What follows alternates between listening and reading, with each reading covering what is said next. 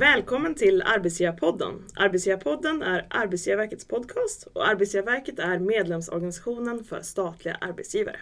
Mitt namn är Malin Sönderby och jag leder samtalet med våra gäster. Med mig idag har jag två gäster. Susanne Nilsson som är innovationsforskare på KTH. Välkommen! Tackar!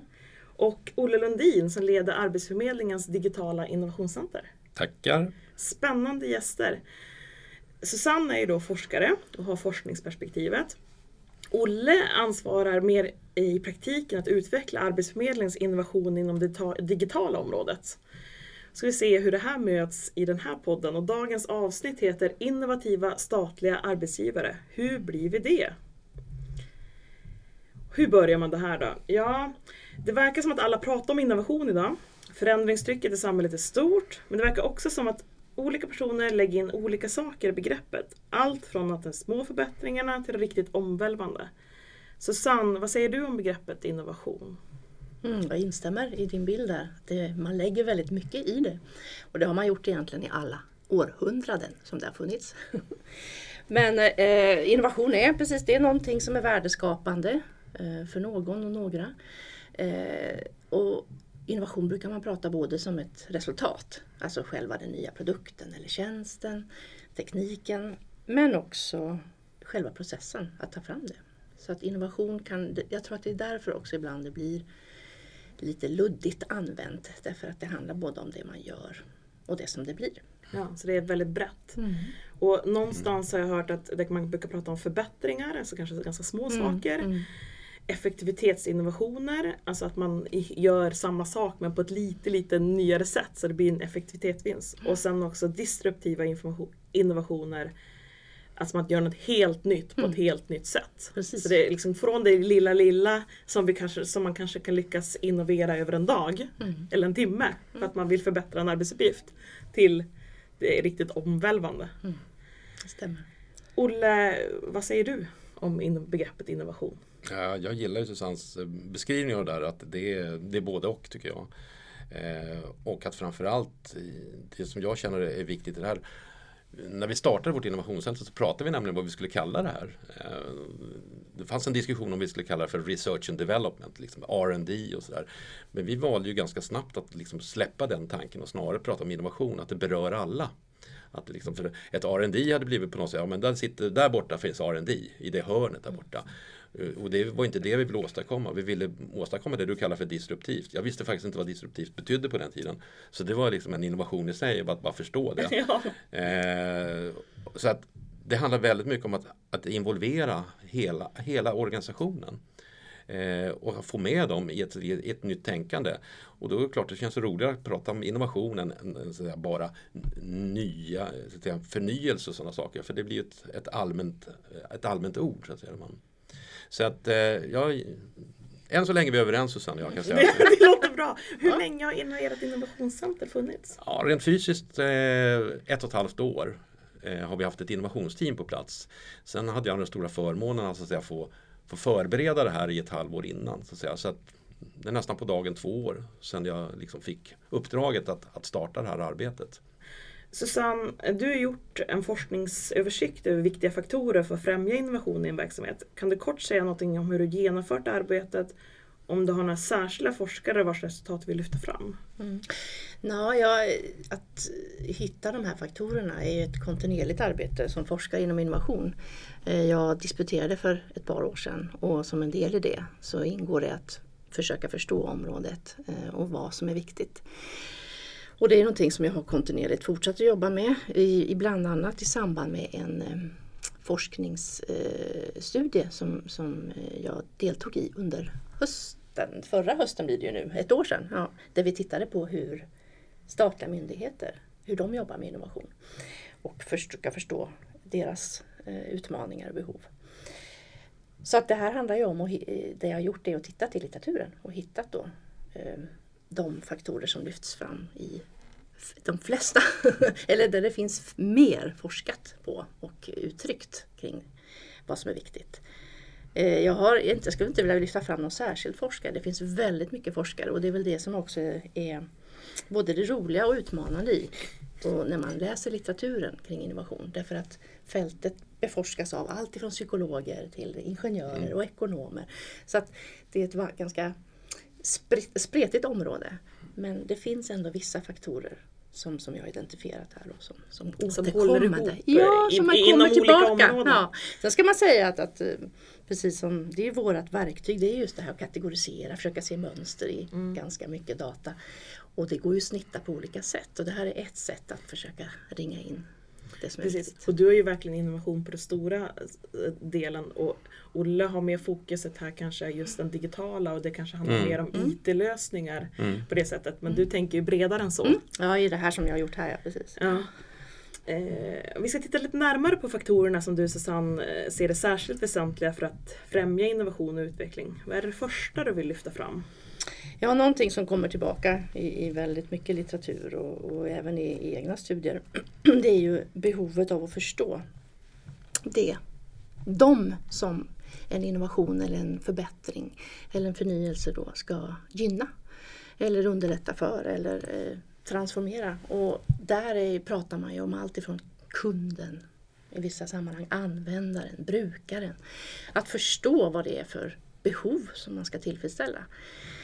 Och det är ju någonting som kommer tillbaka i, i eh, olika sammanhang eh, och där man har på, inte minst senare år, försökt att fånga också och hitta metoder där man kan förstå inte bara de behov som finns här och nu utan även de som ligger latent eller framtida behov. Och det är ju inte helt trivialt. Så att där, är ju, där ligger svårigheten och eh, möjligheterna till väldigt mycket nya lösningar. Får jag hänga på den Ja, frågan? där? precis Olle. För att, hur ser du på det här med användarens, kundens behov? Nej, men just det, det, det Susanne säger på slutet här tycker jag är väldigt intressant. För att jag menar, eh, vi pratar väldigt mycket om de medvetna behoven. Och, jag menar, vi har ju en, av tradition kan man säga, att svenska myndigheter i, i, i allmänhet, om jag kan prata för min egen myndighet, är ju inte liksom välkända för att vi ligger längst fram och har uppfyllt alla behov. Så att säga. Utan vi, vi har en, en väg att vandra. Eh, och den vägen har vi liksom börjat jobba med ganska intensivt de sista åren i vår så kallade förnyelseresa. Vi har omorganiserat så vi får ett större fokus på att, att ta precis de här perspektiven, att jobba med kundens behov i centrum. Då, då. Eh, Men det, när vi startade innovationscentret så var den här resan den var på väg. Så att säga, då. Vad vi då försökte göra med innovationscentret var att titta, ja nu har vi ett par hundra personer som jobbar med dagens problem. Dagens behov där vi liksom behöver få användare i centrum. Men vad händer sen då? Liksom de här omedvetna behoven. Eh, och just Arbetsförmedlingen har ju en liten särställning. Vi är ju ingen monopolmyndighet och ska inte vara det heller. Utan vi ska ju på något sätt främja arbetsmarknaden i Sverige. Jag brukar ju hävda att, att Arbetsförmedlingen fram till nu har egentligen varit en myndighet som har legat utanför arbetsmarknaden. Vi jobbar med de som står utanför arbetsmarknaden. Och när de väl har kommit in, Och då lämnar de då lämnar vi det. Liksom, Ja. va?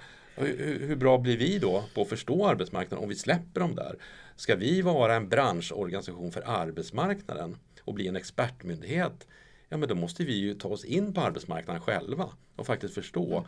Och då kommer vi så in i sådana här frågor som att ja, men hur ser morgondagens arbetsmarknad ut då? Vi har en bra analysavdelning på Arbetsförmedlingen som är högaktad och som alla tidningar. Är det någonting man tycker om om Arbetsförmedlingen så är våra prognoser. De får vi aldrig skäll för. Utan där är vi liksom bra. Och hög kvalitet. Hög kvalitet liksom, och beroende på att vi gör ett väldigt gediget jobb. Så att säga, va? Men sedan när vi ska omsätta det här till någon sorts verklighet, ja, men då får vi inte lika mycket höga betyg. Så att säga. Och där tror jag att vi hade, liksom en, när vi startade innovationscentret, att vi ska liksom visa på att vi förstår arbetsmarknaden också. Inte bara göra en prognos och sen that's it. Så därför har innovationscentret liksom fokuserat mycket på att, att titta på framtida behov. Ja. Men jag har en fråga där. Kan det inte finnas någon, alltså att fånga användarens behov och perspektiv, riskerar inte det att komma i konflikt med den traditionella statliga expertkulturen? Jo. Att det är jag som jobbar på statlig myndighet, det är jag som är experten, det är jag som vet vad, vad de har för behov. Ja. Inte, inte de själva som vet. Ja, exakt. Jo, men det finns ju en, eh, tittar man ur ett kulturperspektiv så är det en jättestor risk. Eh, och jag menar, vår analysavdelning, jag vet inte om de är, hur många de är, men jag menar, de, är, de är en mycket liten del av våra 14 000 anställda. Så att det är klart att den kunskapen som sitter på analysavdelningen och som kommer ut i de här typen av prognoser och liknande, den genomsyrar ju inte alltid vår, hela vår organisation. Det vill säga när man sitter och jobbar med, med en, en, en, operativ arbetsförmedling och sitter i det här läget att man ska möta arbetsgivare och arbetstagare. Då, då finns det ju en risk att man, om jag uttrycker mig så, tar på sig en väldigt stark myndighetshatt. Och en väldigt stark, jag kan, jag vet. Det, det är så här det är. Va? Och det är den där balansen som är så viktig. Eh, hur vi ska klara av att både vara så att säga, service och framtidsorienterade och samtidigt sätta regelverk. Eh, och någon brukar säga så här, jo men det är, lite, det är lättare på ett vanligt företag. Jag brukar säga, nej det är inte alls. Tänk dig kassörskan som sitter på ICA. Hon får väl inte sätta vilka priser som helst. Nej. Men man ska ändå vara positiv och liksom service-minded och liksom tala om att jo, men det här är bra. va Så att den där balansen att både vara, ja men det är de här priserna som gäller, det vill säga det är de här bidragen som gäller, det är de här regelverken som gäller. Men vi ska också kunna liksom förstå hur, hur arbetsmarknaden utvecklas och att detta bidrar mm. till en samhällsutveckling. Då. Men du Susanne, mm. alltså, vad, blir, vad kan bli konsekvensen av att inte fånga användarens behov och perspektiv? Ja, det, dels det att, att man inte hittar rätt i, det, i de tjänster eller, eller erbjudanden som man producerar eller erbjuder senare. Men, men också så missar man risken är att man missar just det här att, att uh, hitta också lite mer nya lösningar. Och jag tror att man ibland tänker att nej, men användaren ska vara med i första fasen och hitta på idéer och vara med, alltså delaktig där. Men, men jag tycker man ska också tänka, och det är det som man visar i forskningen, att det är viktigt också att ha med användare i olika delar av fasen. Både testa och prova eller utvärdera lite senare. Så man ska tänka lite mer så att säga, kreativt även kring hur man använder användare. Så att men där kan det finnas ett motstånd för det, det, kräver ju alltid lite mer tid då att ha ja, kontakt med användaren och då ska man det räkna in det i sin, mm. Mm. i sin mm. förändringsprocess. Så är, det. Mm. Så är det. Men det är där skillnaden blir också om man tittar ur vårt perspektiv just Arbetsförmedlingen. att när vi säger användaren, om det tar fem miljoner löntagare på arbetsmarknaden och en miljon företagare. Mm. Jag menar, det är väl inget självändamål att de ska vända sig till Arbetsförmedlingen. Utan vi ska ju få en, e- en effektivare arbetsmarknad. Mm. Så jag menar en av de första innovationer vi tog fram i innovationsteamet efter att liksom ha funderat en stund. Så blev det så här att nej men det är nog inte vi som ska ta fram det här. Utan vi kan ta fram en infrastruktur snarare. Där det snarare blir andra entreprenörer, andra mm. företag. Jag menar, varför ska vi inte använda LinkedIn? Varför ska vi inte använda Monster? Varför ska vi inte använda liksom alla de företag som finns, alla rekryteringsbolag och hjälpa till att den blir mer effektiv, den här marknaden. Mm. För det är ju där innovationerna kommer att ske. Vi kommer inte vara de smartaste hjärnorna och ta fram den smartaste produkten. Vi kommer att ha ett basutbud kanske. Men allt annat Ja. Det, är, det, där menar, det är där vi är skillnad, det är där vi är konkurrensutsatta. Skatteverket kommer aldrig ha andra som tar in skatt. Men Arbetsförmedlingen kommer alltid ha tusen andra företag som kommer att jobba med att rekrytera och matcha mm. och sådana mm. saker. Så där, när man jämför olika myndigheter så måste man liksom förstå vilken marknad man, beter, man, man är på. Så att säga. Är det en monopolistisk marknad som Skatteverket? Eller är det en, en, en öppen marknad? En marknadsutsatt marknad som Arbetsförmedlingen är? Ja. Det är helt skilda saker. Ja, det är helt klart. Ja, och det är intressant för just det här vad har man som, vad är, vilken typ av innovationsstöd ska, ska ni ja. utgöra? Och det är verkligen tydligt, det vi ni såg på olika myndigheter, att mm. man har olika roller i ett sådant system. Mm. Um, och jag tänker er, i ert fall också, ni har ju vad är användare framåt? Ja, det vet ni ju inte heller. Nej. Så att det här med att, ja, att, att involvera användare, ja men vilka är vilka? de? Mm. ja, men det är jättespännande. Så, så det är ju en mm. utmaning i sig. Och Susanne, då, vad är nästa viktiga faktor? Ja, en, en av de andra faktorerna är ju eh, det kommer in på det här med egentligen det du är inne på Olle, att hur delar man kunskap? Alltså hur tar man tillvara på kunskap? För innovation bygger på att man mm. sätter samman eh, kunskap, gärna från olika håll många gånger för att få till lite mer nya lösningar. Och där, där kan man ju göra på väldigt många sätt. Eh, hur, hur, hur skapar man de nätverken eh, av, av kunskapsutbyte jag säga, mellan organisationer, mellan individer, både inom en organisation mm. men också mellan organisationer. Eh, där finns det en del forskning som dels tittar mycket på det här med hur man gör utifrån och in, alltså hur man pratar, man pratar om öppen innovation. Hur ska man jobba för att mm. få in kunskap utifrån till sin egen organisation. Men det är också väldigt mycket handlar om att, att utnyttja de resurser och den kunskap som finns i organisationen. För den är man inte alltid jättebra på. Man är fortfarande många gånger, både privat och i myndigheter, väldigt siloorienterad. Man har mm. kunskaper inom olika avdelningar eller fält och de möts inte alltid. Så att hur man stimulerar det är också jätteviktigt. Mm. Men Olle, hur arbetar ni med silos och stuprör på Arbetsförmedlingen? Ja, jag får hänga på det du säger om öppen innovation. För att någonting som man tidigt sa att vi skulle ta fram, eller vissa sa så här, ja men vad bra, då, då kan ni ha en, samla den här idébanken över alla idéer och så kan man jämföra. Och vi vägrade. Vi sa nej, det går inte. Det liksom, varför ska bara Arbetsförmedlingen ha sina idéer? Utan det här är ju liksom marknadens idéer i så fall. Ska vi prata om öppen innovation, vilket vi vill göra, då måste vi ju skapa en idébank för hela svenska liksom, Arbetsmarknaden. arbetsmarknaden. Och det gör vi inte över en dag. alltså där måste vi ju tänka till rätt mycket. Så att säga, va? Och den, den processen driver ju rätt hårt idag nu, att snarare få till ett, ett, ett, ett vi kallar det för jobbtech. Alla andra branscher har ett sådär techben. Liksom. Det finns health tech för eh, hälsoindustrin, det finns edtech för utbildningsindustrin eh, och så vidare. Så vidare. Det finns fintech för financial Nej. technology. Men det finns inget H eller inget jobbtech säger vi. Och där driver vi den tesen rätt hårt. Liksom, att, Mm. ja, men ett jobbtech måste etableras. Så att imorgon har vi faktiskt vårt andra jobbtechforum. Där 90 företag, de 90 mest framträdande företagen inom svensk liksom, eh, matchningsteknologi träffas eh, under våra vingar. För att liksom lyfta hela den här branschen. Så, så det är ett sätt att liksom skapa den här innovationskraften tillsammans. Så att säga, va? Och inte se varandra som konkurrenter Nej. utan lyfta. Nej, i, i sig, i sig man- är ju de konkurrenter. Jag menar de här olika bolagen, de är konkurrenter med varandra. Men vi är inte konkurrenter med dem. Nej. Eh, Och vi är de enda som kan prata med dem allihop samtidigt. Och där är en viktig del i det här, hur, hur delar vi kunskap? Eh, och det är ju, vi måste övertyga dem att, att tro på den här idén. Att eh, hur kan vi skapa, vissa bitar ska vara gemensamma och vissa saker ska vara deras företagshemligheter. Och det är på något sätt, det här är någonting som ni gör aktivt för att främja kunskapsdelning. Ja. Hur, hur, har ni, vad har ni för kompetenser hos er då? För det, låter, det här är ju ganska stora saker som ni gör. Vad har ni för kompetenser i det här eh, innovationscentret? Att, Vi har, jag, jag- jag säger så här att jag hade ju stora förmånen när vi startade här att jag fick handplocka sju personer från hela organisationen som jobbar med det här. Så att, utan att nämna namn så kan jag säga vi hade väldigt bra kompetenser. Eh, och det här är det kvalitet och inte kvantitet. Så att vi hade skarpa liksom, eh, verksamhets och affärsarkitekter som hade god kunskap om hur ska vi driva det här i form av så här, ett open source-tanke, liksom öppen innovationstanke och hur ska vi liksom sakta ta den här oss fram på den här långa resan så att säga. Va? Så att ja, vi hade små, vi hade få kompetenser. Men vi har med de här få kompetenserna liksom börjat mejsla ut där och det här som jag säger, pratar om nu, det här med jobbtech-satsningen som nu leder fram till ett jobbstore också. Då. Det vill säga att vi, på samma sätt som App Store eh, så får vi ett jobbstore nu i framtiden också. Då, då. Eh, det kräver ju liksom en ganska fin eh, liksom hantering för det är, det är känsliga områden som vi rör oss på nu. Vi rör oss på liksom marknadsområdet där företag ska tjäna pengar på sina idéer. Och vi ska liksom i, både visa att vi inte är konkurrent till dem och också få dem att faktiskt börja samarbeta nu. Va? Eh, och det här är jättespännande. Så att det första som skedde nu efter vi hade lanserat den här idén då förra året.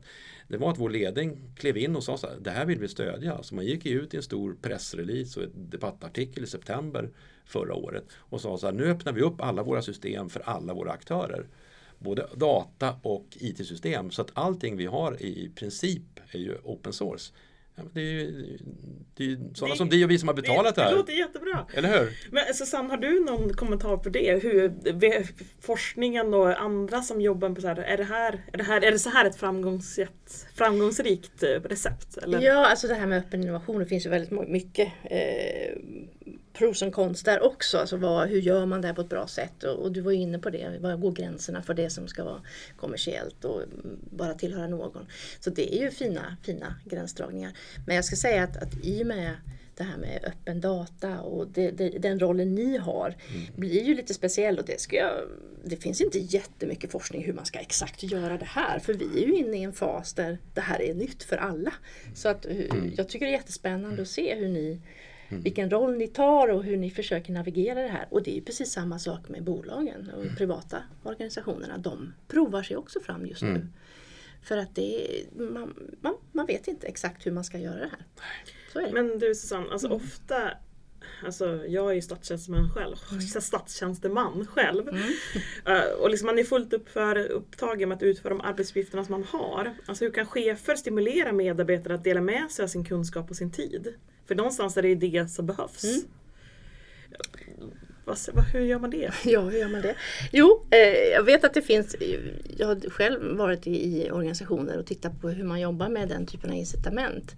Eh, och, och eh, i, ett, ett, I en organisation så var man väldigt framgångsrik i att göra det genom att medarbetarna inte bara har mål på att de ska producera idéer, vilket är ett vanligt mål och man kan ifrågasätta om det är ett jättebra mål. Men någon slags mål kring att man ska delta och, och försöka bidra med idéer.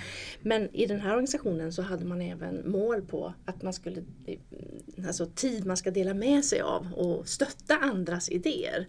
Så att det är ju lite spännande hur man också försöker främja och uttrycka det. Att det är inte bara att komma på eh, idéer utan också hjälpa andra att utveckla. Vilket är lite spännande. Um, där tror jag ju konkret, där en, en, om man riktar det tillbaka till Arbetsgivarverket, är liksom att, mm. att promota det här ökad rörlighet tror jag skulle vara ett jättebra sätt liksom, att, att få ökad innovation. Eh, för det vet man ju, sitter man på sin stol och tittar mm. på sina mål, och, ja, men då gör man ju på ett visst sätt, det är inte så konstigt.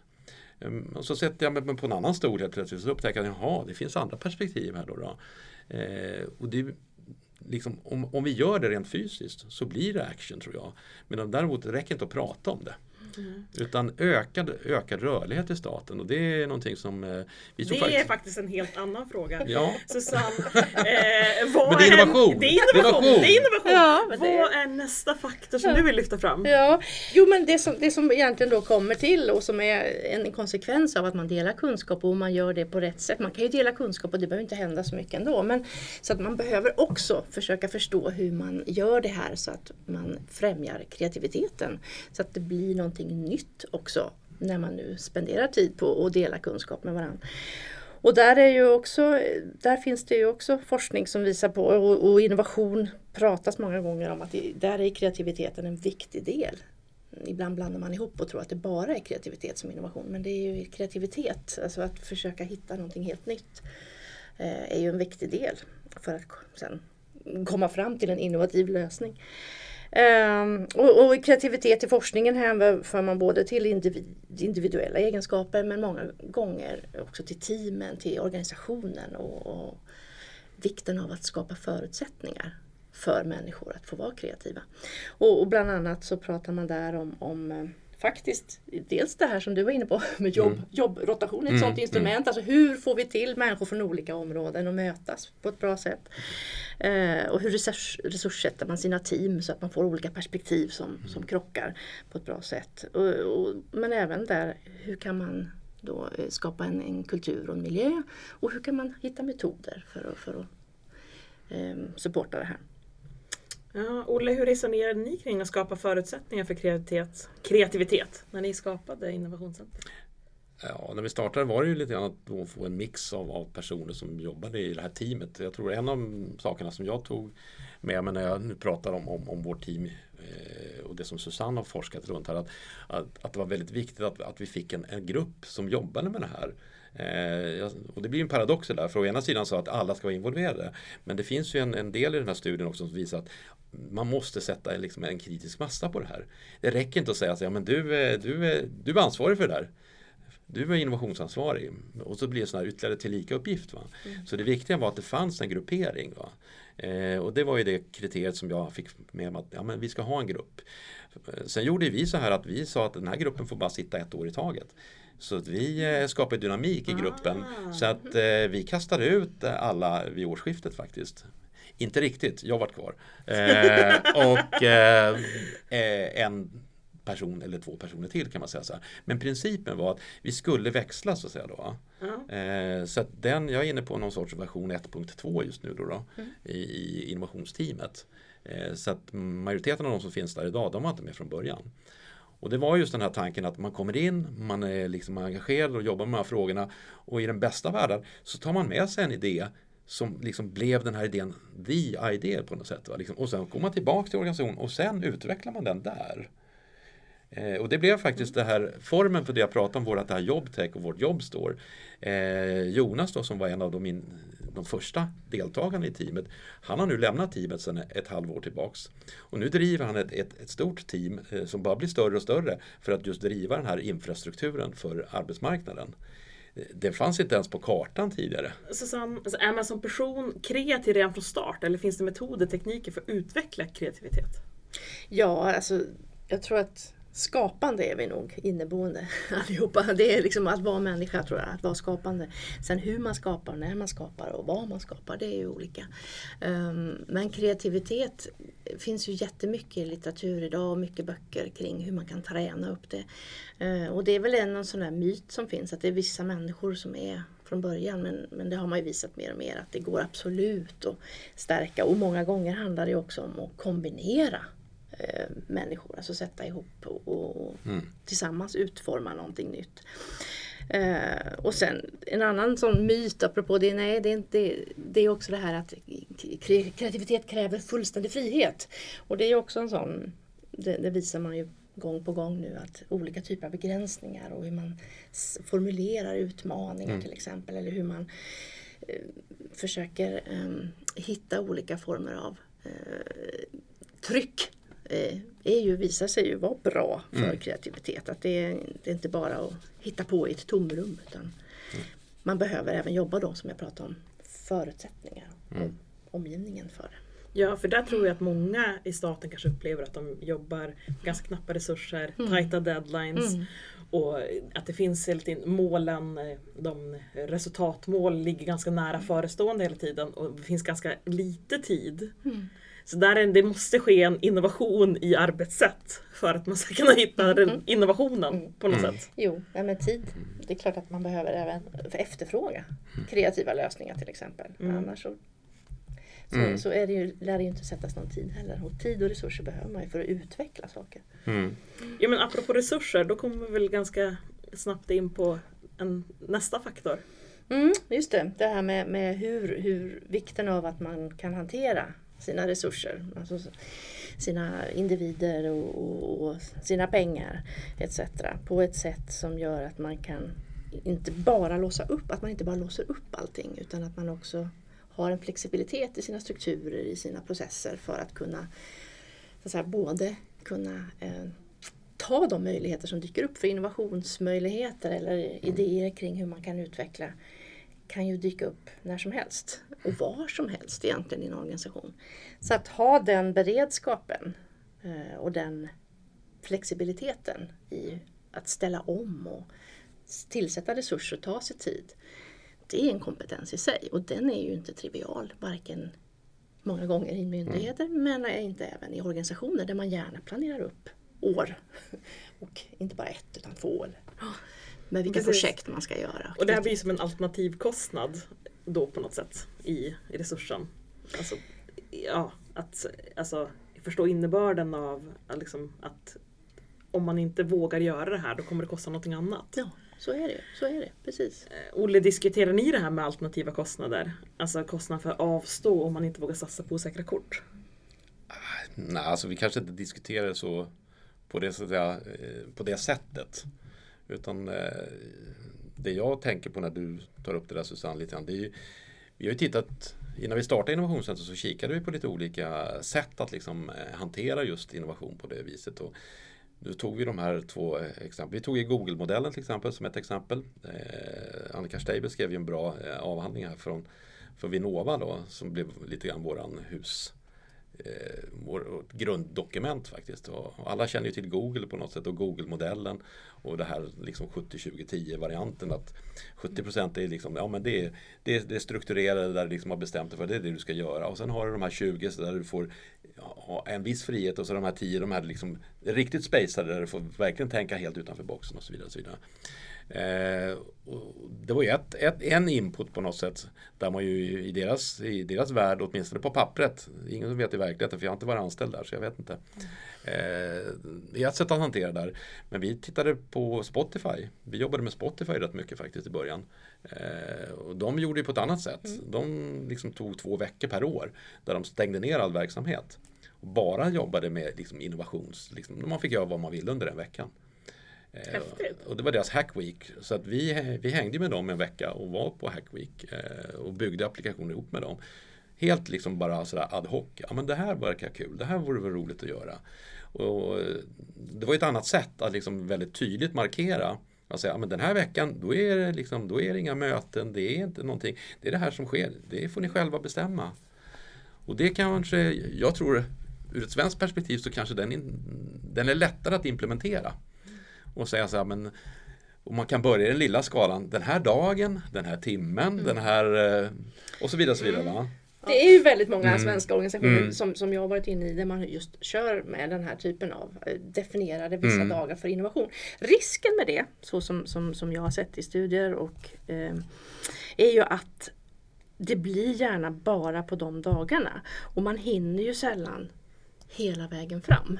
Man kommer med lite Man kan roliga komma, idéer. ja precis. Och sen stannar det där. Och det skapar kan ju bli, det har blivit i flera organisationer som jag har deltagit i och tittat på och studerat em, en backlash. Och man blir lite skeptisk kring det här med innovation.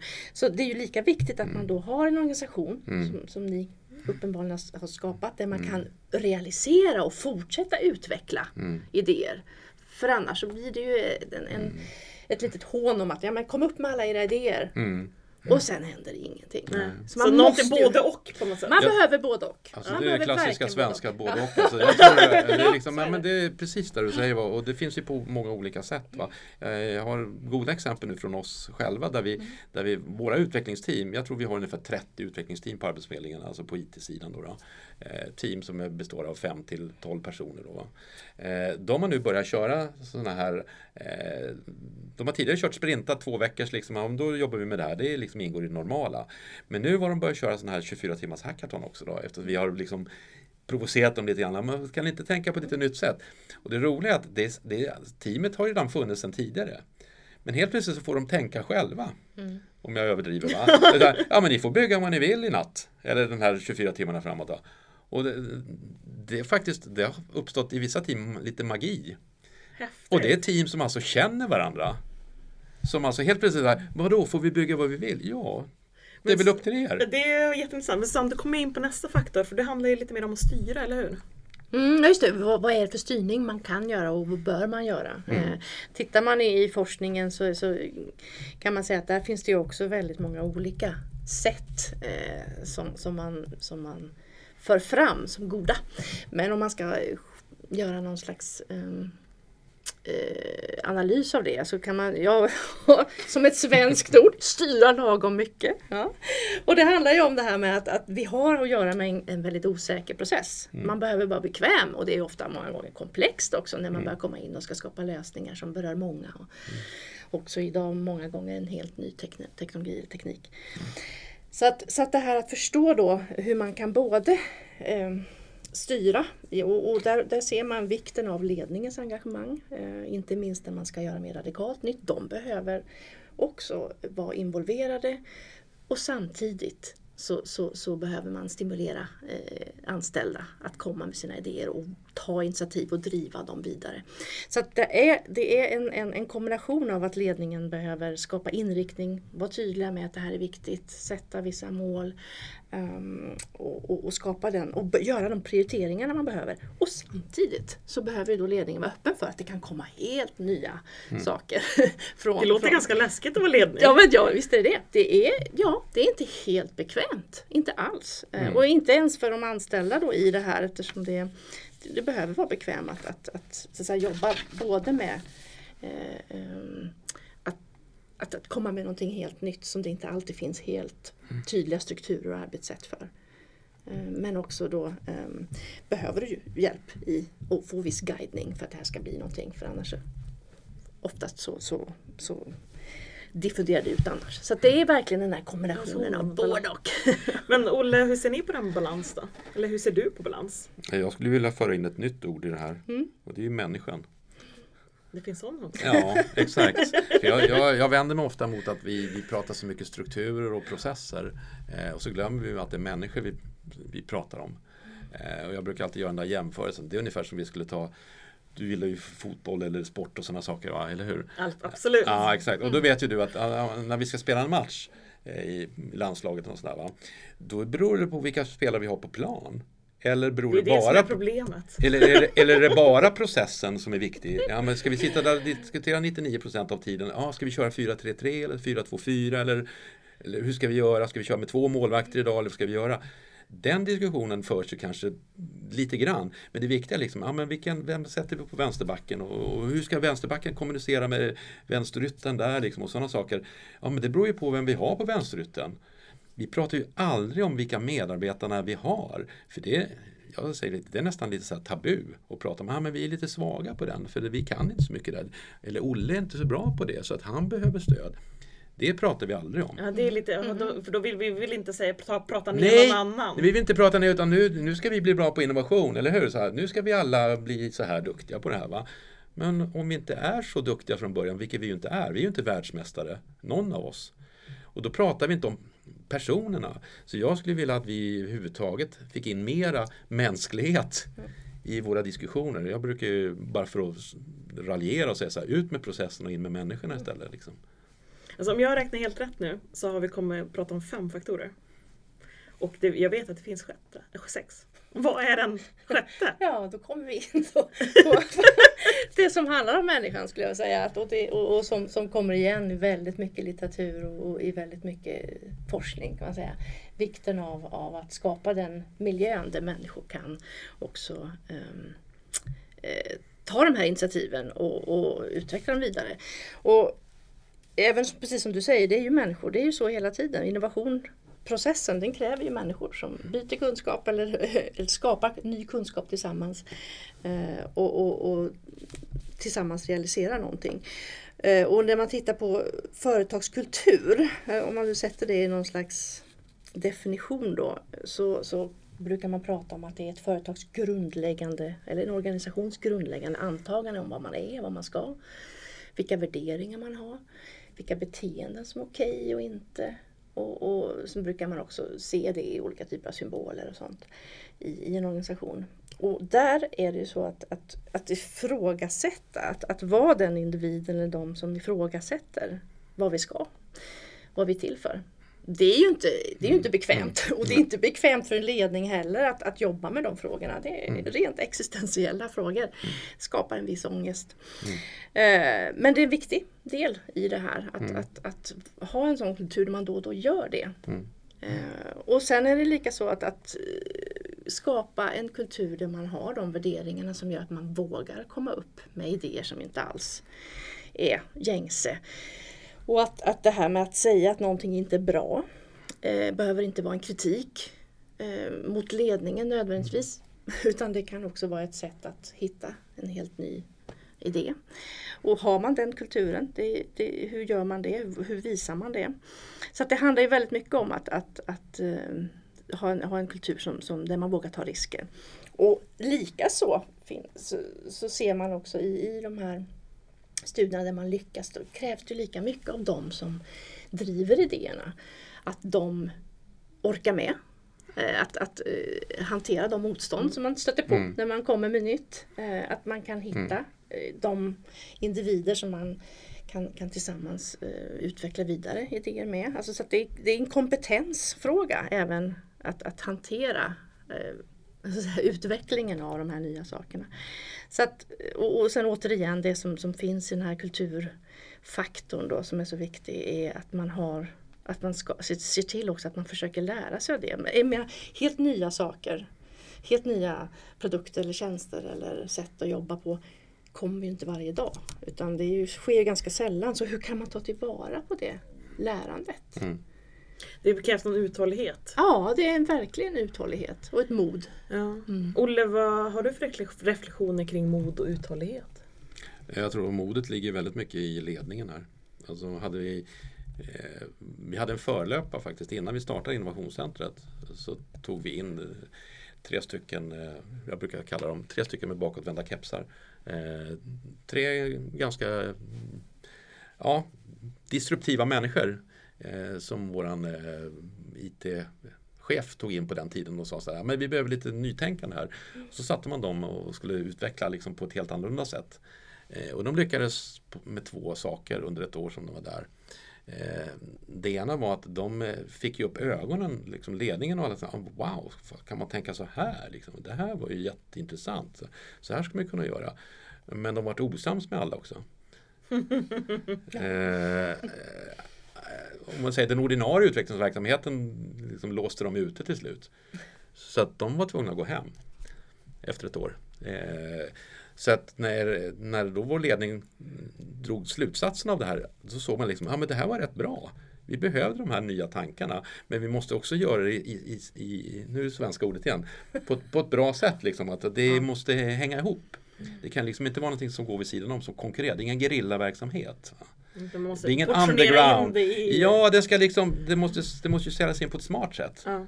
Eh, och det är tillbaka till det här, det är inte de här tre personerna som ska lösa problemen utan de ska visa på det. Va? Mm. Så min uppgift blev ju att skapa det här nya. Det, det var ju då vi valde att kalla det för innovationscenter istället. Va? För tidigare var det ett forskning och utvecklingsdel. Va?